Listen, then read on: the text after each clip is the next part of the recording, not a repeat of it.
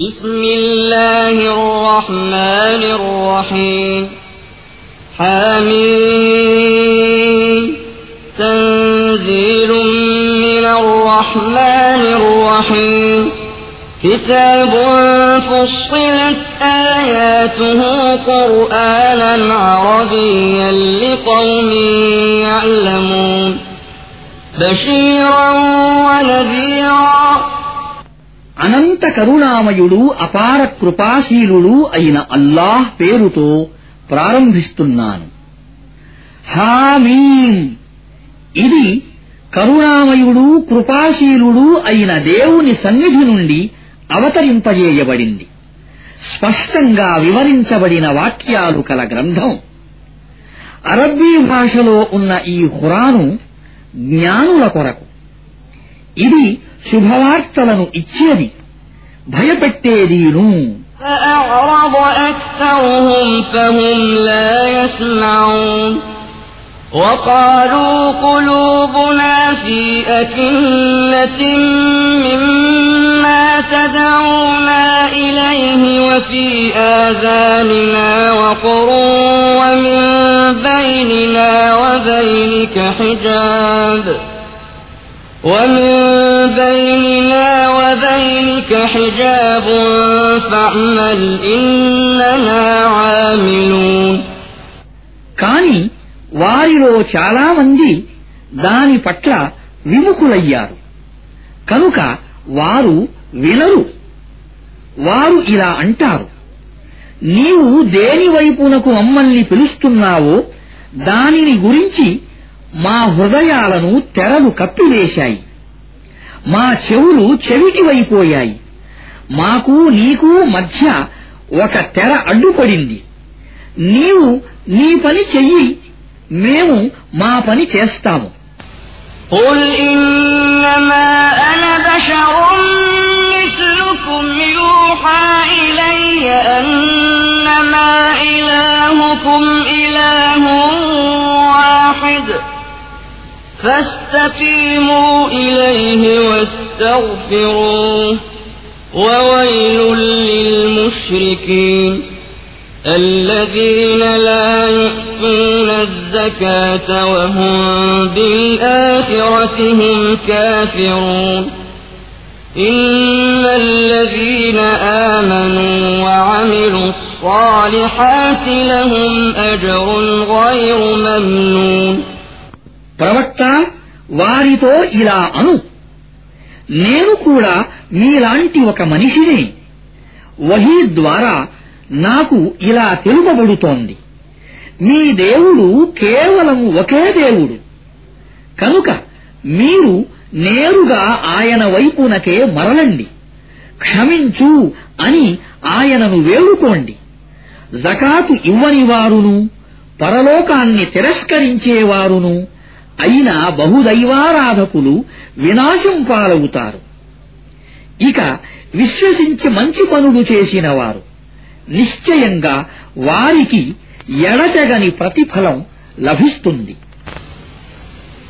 قل أئنكم لتكفرون بالذي خلق الأرض في يومين وتجعلون له أندادا ذلك رب العالمين وجعل فيها رواسي من فوقها وبارك فيها وبارك فيها وقدر فيها أقواتها في أربعة أيام سواء للسائلين ثم استوى إلى السماء وهي دخان فقال لها وللأرض ائتيا طوعا أو كرها قالتا أتينا طائعين فقضاهن سبع سماوات في يومين وأوحى في كل سماء أمرها وزينا السماء الدنيا بمصابيح وحفظا ذلك تقدير العزيز العليم ప్రవక్త వారితో ఇలా అను భూమిని రెండు రోజులలో సృష్టించిన దేవుణ్ణి మీరు తిరస్కరిస్తారా? ఇతరులను ఆయనకు సమానులుగా నిలబెడతారా? సకల లోకాల వారికి ప్రభు ఆయనే కదా. ఆయన భూమిని ఉనికిలోనికి తీసుకువచ్చిన తరువాత దాని మీద పర్వతాలను నెలకొలిపాడు. అందులో శుభాలను పెట్టాడు. అర్థించేవారందరి కోసం దాని లోపల వారి కోరికలకు అవసరాలకు అనుగుణంగా ఖచ్చితంగా అంచనా వేసి ఆహార వస్తువులను సమకూర్చాడు. ఈ పనులన్నీ నాలుగు రోజులలో పూర్తి అయ్యాయి. తరువాత కేవలం పొగగా ఉన్న ఆకాశం వైపునకు ఆయన తన ధ్యానాన్ని మరల్చాడు. ఆయన ఆకాశాన్ని భూమిని ఉద్దేశించి ఇలా అన్నాడు. ఉనికిలోకి రండి. మీకు ఇష్టమైనా ఇష్టం కాకపోయినా. అవి రెండూ మేము వచ్చేశాము. విధేయులు మాదిరిగా అని అన్నాయి. అప్పుడు ఆయన రెండు రోజులలో ఏడు ఆకాశాలను నిర్మించాడు.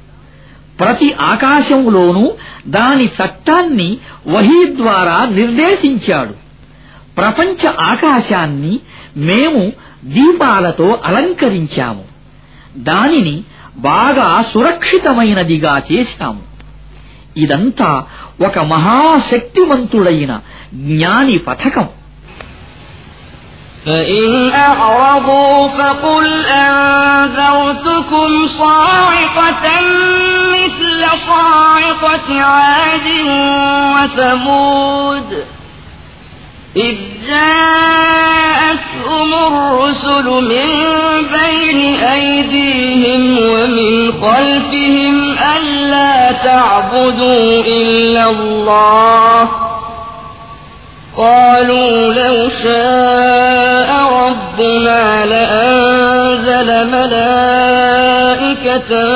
فإنا بما أرسلتم به كافرون ఇప్పుడు ఒకవేళ వారు విముఖులైతే వారితో ఇలా అను ఆద్ సమూదు జాతులపై అవతరించినటువంటిది అకస్మాత్తుగా విరుచుకుపడేది అయిన ఒక శిక్షను గురించి నేను మిమ్మల్ని హెచ్చరిస్తున్నాను. దైవ ప్రవక్తలు వారి వద్దకు ముందు నుంచి వెనుక నుంచి అన్ని వైపుల నుంచి వచ్చి అల్లాను తప్ప మరెవరినీ ఆరాధించకండి అని వారికి నచ్చజెప్పినప్పుడు వారు ఇలా అన్నారు. మా ప్రభువు తలచుకుంటే దైవదూతలను పంపి ఉండేవాడు కనుక నీవు ఏ విషయం కోసమైతే పంపబడ్డావో ఆ విషయాన్ని మేము నమ్మము فأما عاد فاستكبروا في الأرض بغير الحق وقالوا من أشد منا قوة أولم يروا أن الله الذي خلقهم هو أشد منهم قوة وكانوا بآياتنا يجحدون فأرسلنا عليهم ريحا صرصرا في أيام نحسات لنذيقهم عذاب الخزي في الحياة الدنيا ولعذاب الآخرة أخزى وهم لا ينصرون ఆద్ జాతి పరిస్థితి ఇలా ఉండేది వారు ఏ హక్కు అర్హతలు లేకుండానే భూమిపై పెద్దవారైపోయారు. మాకంటే ఎక్కువ బలవంతుడెవడున్నాడు అని అనసాగారు. వారిని సృష్టించిన దేవుడు వారికంటే ఎక్కువ బలవంతుడనే విషయం వారికి స్ఫురించలేదా? వారు మా వాక్యాలను తిరస్కరిస్తూనే ఉండేవారు. చివరకు మేము వారికి ఈ లోకములోనే అవమానకరమైన శిక్షను రుచి చూపించాలని కొన్ని అశుభకరమైన దినాలలో తీవ్రమైన తుఫాను గాలిని వారిపైకి పంపాము పరలోక శిక్ష అయితే దీనికంటే కూడా ఎంతో అవమానకరమైనది అక్కడ వారికి సహాయపడేవాడెవడూ ఉండడు وأما ثمود فهديناهم فاستحبوا العمى على الهدى فأخذتهم صاعقة العذاب الهون بما كانوا يكسبون ونجينا الذين آمنوا وكانوا يتقون ఇక సమూద్ జాతి వారు మేము వారి ముందు సత్య మార్గాన్ని పెట్టాము కాని వారు మార్గాన్ని చూడటానికి బదులుగా అంధులుగా ఉండిపోవటానికే ఇష్టపడ్డారు చివరకు వారి అకృత్యాలకు ఫలితంగా అవమానకరమైన శిక్ష వారిపై విరుచుకుపడింది విశ్వసించి మార్గభ్రష్టత్వానికి దుష్కర్మలకు దూరంగా ఉండేవారిని మేము రక్షించాము ويوم يحشر أعداء الله إلى النار فهم يوزعون حتى إذا ما جاءوها شهد عليهم سمعهم وأبصارهم وجلودهم بما كانوا يعملون. وقالوا لجلودهم لم شهدتم علينا؟ قالوا أنطقنا الله الذي أنطق كل شيء.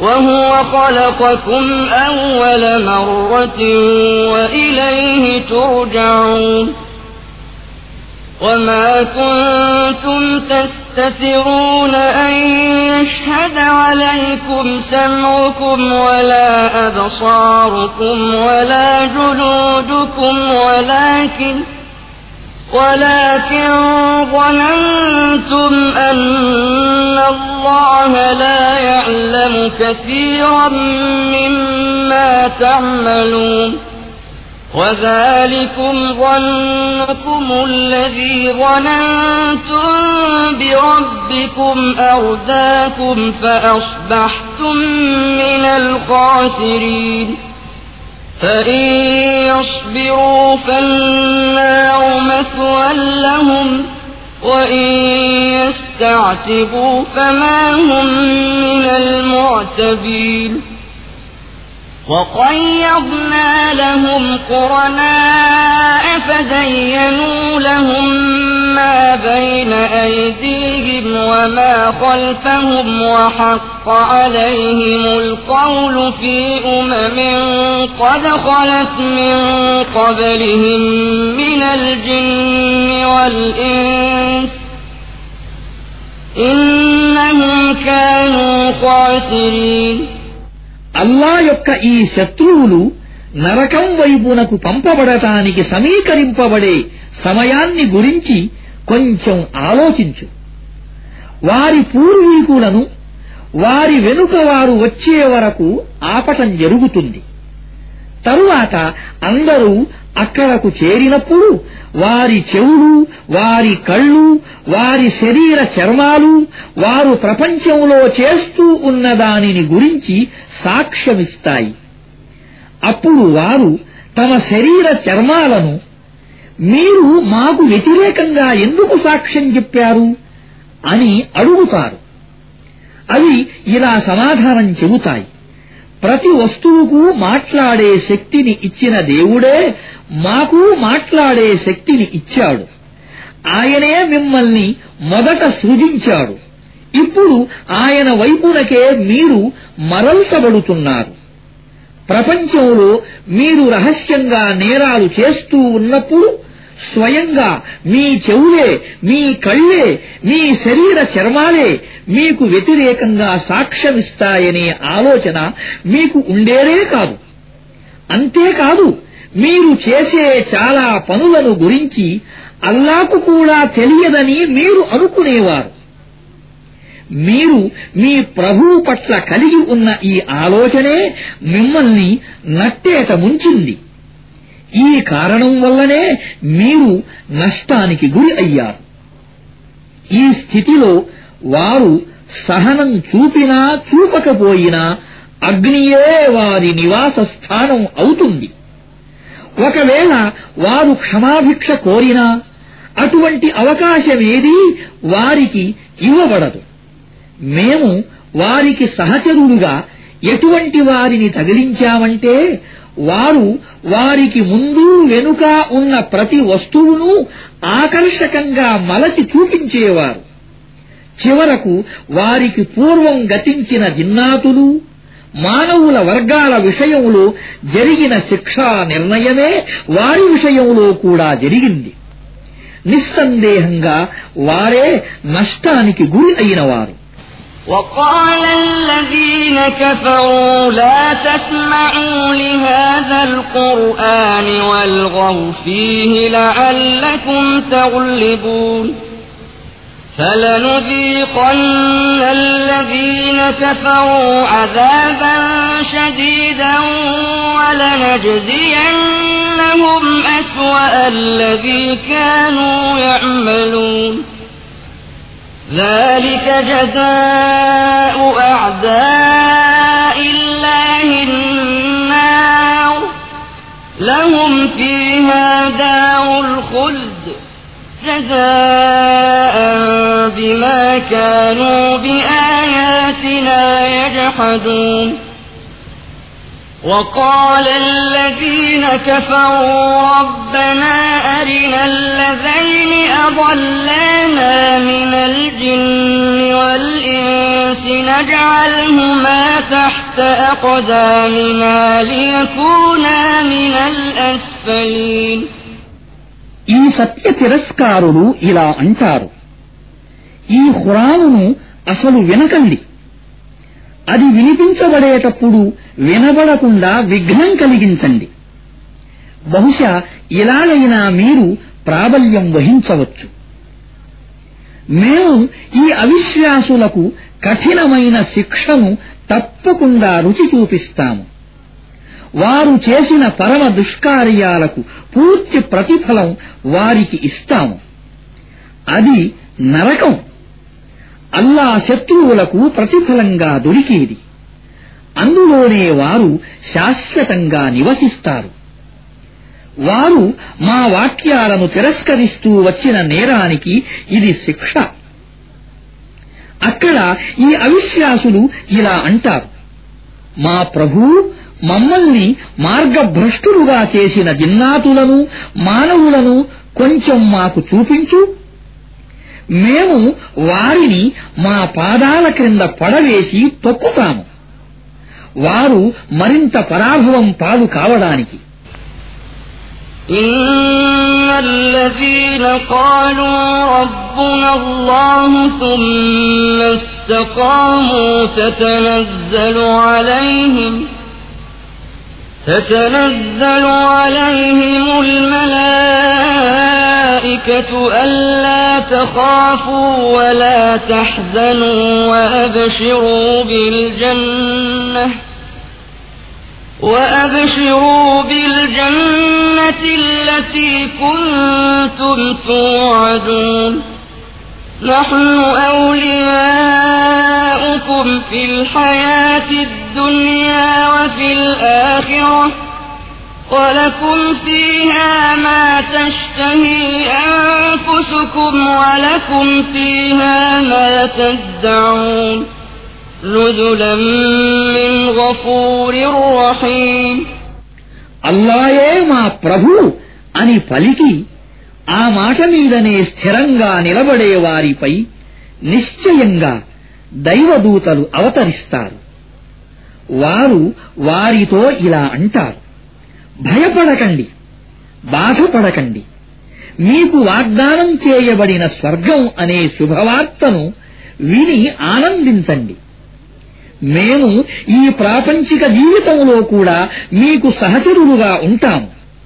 పరలోకంలో కూడా. అక్కడ మీరు కోరినదల్లా మీకు లభిస్తుంది. మీరు ఆశించే ప్రతి వస్తువు మీది అవుతుంది. ఇది మీకు లభించే ఆతిథ్యపు ఏర్పాట్లు క్షమాశీలుడు కరుణామయుడు అయిన దేవుని వైపు నుండి ومن أحسن قولا ممن دعا إلى الله وعمل صالحا وقال إنني من المسلمين అల్లా వైపునకు పిలిచి మంచి పనులు చేసి నేను ముస్లిమును అని ప్రకటించే వ్యక్తి మాట కంటే మంచి మాట మరెవరిది కాగలదు ولا تستوي الحسنة ولا السيئة ادفع بالتي هي أحسن فإذا الذي بينك وبينه عداوة كأنه ولي حميم وما يلقاها إلا الذين صبروا وما يلقاها إلا ذو حظ عظيم وإما ينزغنك من الشيطان نزغ فاستعذ بالله إنه هو السميع العليم ప్రవక్త మంచి చెడు ఒకటి కావు. నీవు చెడును శ్రేష్టమైన మంచి ద్వారా తొలగించు. అప్పుడు నీ పట్ల శత్రుభావం కలవాడు. నీకు ప్రాణస్నేహితుడైపోవడాన్ని నీవు గమనిస్తావు. ఈ సుగుణ యోగం సహనశీలులకు తప్ప మరెవరికీ లభ్యం కాదు. ఈ స్థానం మహా అదృష్టవంతులకు తప్ప మరెవరికీ దక్కదు ఒకవేళ నీకు శైతాను నుండి ఏదైనా దుష్ప్రేరణ కలిగితే అప్పుడు అల్లా శరణు కోరుకో ఆయన అన్నీ వినేవాడు అన్నీ ఎరిగినవాడును ومن آياته الليل والنهار والشمس والقمر لا تسجدوا للشمس ولا للقمر واسجدوا لله الذي خلقهن إن كنتم إياه تعبدون. فإن استكبروا فالذين عند ربك يسبحون له بالليل والنهار وهم لا يسأمون ఈ రేయింబవళ్ళు ఈ సూర్య చంద్రుడు అల్లా సూచనలలోనివే సూర్య చంద్రులకు సాష్టాంగ పడకండి వాటిని సృజించిన దేవునికి సాష్టాంగపడండి నిజంగానే మీరు ఆయనను ఆరాధించేవారైతే కాని ఒకవేళ వారు అహంభావానికి గురి అయి తమ మాటే నిజమని మంకుపట్టు పట్టితే ఏమీ పరవాలేదు. నీ ప్రభువునకు దగ్గరగా ఉన్న దైవదూతలు రేయింబవళ్ళు ఆయనను స్తుతిస్తూ ఉన్నారు. వారు ఎన్నటికీ అలసిపోరు. ومن آياته أنك ترى الأرض خاشعة فإذا أنزلنا عليها الماء اهتزت وربت إن الذي أحياها لمحيي الموتى إنه على كل شيء قدير అల్లాహ్ సూచనలలో ఒక సూచన ఏమిటంటే ఎండిపోయిన నేలపై మేము వర్షం కురిపించగానే అది అకస్మాత్తుగా పులకించటాన్ని ఉబికిపోవటాన్ని నీవు గమనిస్తావు. నిశ్చయంగా ఈ మృతభూమిని బ్రతికించి లేపే దేవుడే మృతులకు కూడా ప్రాణభిక్ష పడతాడు. నిస్సందేహంగా ఆయన ప్రతిదానిపై అధికారం కలిగి ఉన్నాడు. إن الذين يلحدون في آياتنا لا يخفون علينا أفمن يلقى في النار خير أم من يأتي آمنا يوم القيامة اعملوا ما شئتم إنه بما تعملون بصير إن الذين كفروا بالذكر لما جاءهم وإنه لكتاب عزيز لا يأتيه الباطل من بين يديه ولا من خلفه تنزيل من حكيم حميد మా వాక్యాలకు పెడర్థాలు అంటగట్టేవారు మాకు కనిపించకుండా ఏమీ లేదు స్వయంగా మీరు ఆలోచించండి. ఏ వ్యక్తి మెరుగైనవాడు అగ్నిలో పడవేయబడేవాడా లేక ప్రళయము నాడు భద్రమైన స్థితిలో హాజరయ్యేవాడా? మీరు కోరినదల్లా చేస్తూ ఉండండి. మీ చేష్టలు అన్నింటినీ అల్లాహ్ చూస్తూనే ఉన్నాడు. తమ ముందుకు హితబోధ వచ్చినప్పుడు దానిని విశ్వసించకుండా తిరస్కరించిన వారు వీరే. కాని యథార్థం ఏమిటంటే ఇది ఒక శక్తివంతమైన గ్రంథం. అసత్యం దాని మీదకు ముందు నుండి రాజాలదు వెనుక నుండి రాజాలదు. వివేకవంతుడు స్థుతిపాత్రుడు అయిన దేవుడే అవతరింపజేసిన గ్రంథం ఇది. ما يقال لك إلا ما قد قيل للرسل من قبلك إن ربك لذو مغفرة وذو عقاب أليم ప్రవక్త నిన్ను గురించి అనుకుంటున్న విషయాలలో ఏదీ నీకు పూర్వం గతించిన దైవ ప్రవక్తలను గురించి అనని విషయం ఏదీ కాదు నిస్సందేహంగా నీ ప్రభువు అమితంగా మన్నించేవాడు దీనితో పాటు వ్యధాభరితమైన శిక్షను విధించేవాడు కూడాను ولو جعلناه قرآنا أعجميا لقالوا لولا فصلت آياته أعجمي وعربي قل هو للذين آمنوا هدى وشفاء والذين لا يؤمنون في آذانهم وقر وهو عليهم عمى. أولئك ينادون من مكان بعيد. ولقد آتينا موسى الكتاب فاختلف فيه. ولولا كلمة سبقت من ربك لقضي بينهم وإنهم لفي شك منه مريب ఒకవేళ మేము ఈ హురామును అరబ్బీయేతర భాషలో పంపి ఉన్నట్లయితే వారు ఇలా అని ఉండేవారు దీని ఆయతులు స్పష్టంగా ఎందుకు వివరించబడలేదు ఎంత విచిత్రమైన విషయం. గ్రంథమేమో అరబ్బీయేతర భాషలో సంబోధితులేమో అరబ్బులు. వారితో ఇలా అను ఈ హురాను విశ్వాసులకు మార్గం చూపేది స్వస్థత చేకూర్చేది. కాని విశ్వసించని వారి చెవులకు ఇది అవరోధం. వారి కళ్ళకు ఇది గంత వారి స్థితి దూరం నుండి ఎవరో వారిని కేకవేసి పిలిచినట్లుగా ఉన్నది. ఇంతకు పూర్వం మేము మూసాకు గ్రంథాన్ని ఇచ్చాము. దాని విషయంలో కూడా ఈ విభేదమే వ్యక్తమైంది. ఒకవేళ నీ ప్రభు మొదటే ఒక విషయాన్ని నిర్ణయించి ఉండకపోతే ఈ విభేదించే వారి మధ్య ఎప్పుడో తీర్పు చేయబడి ఉండేది.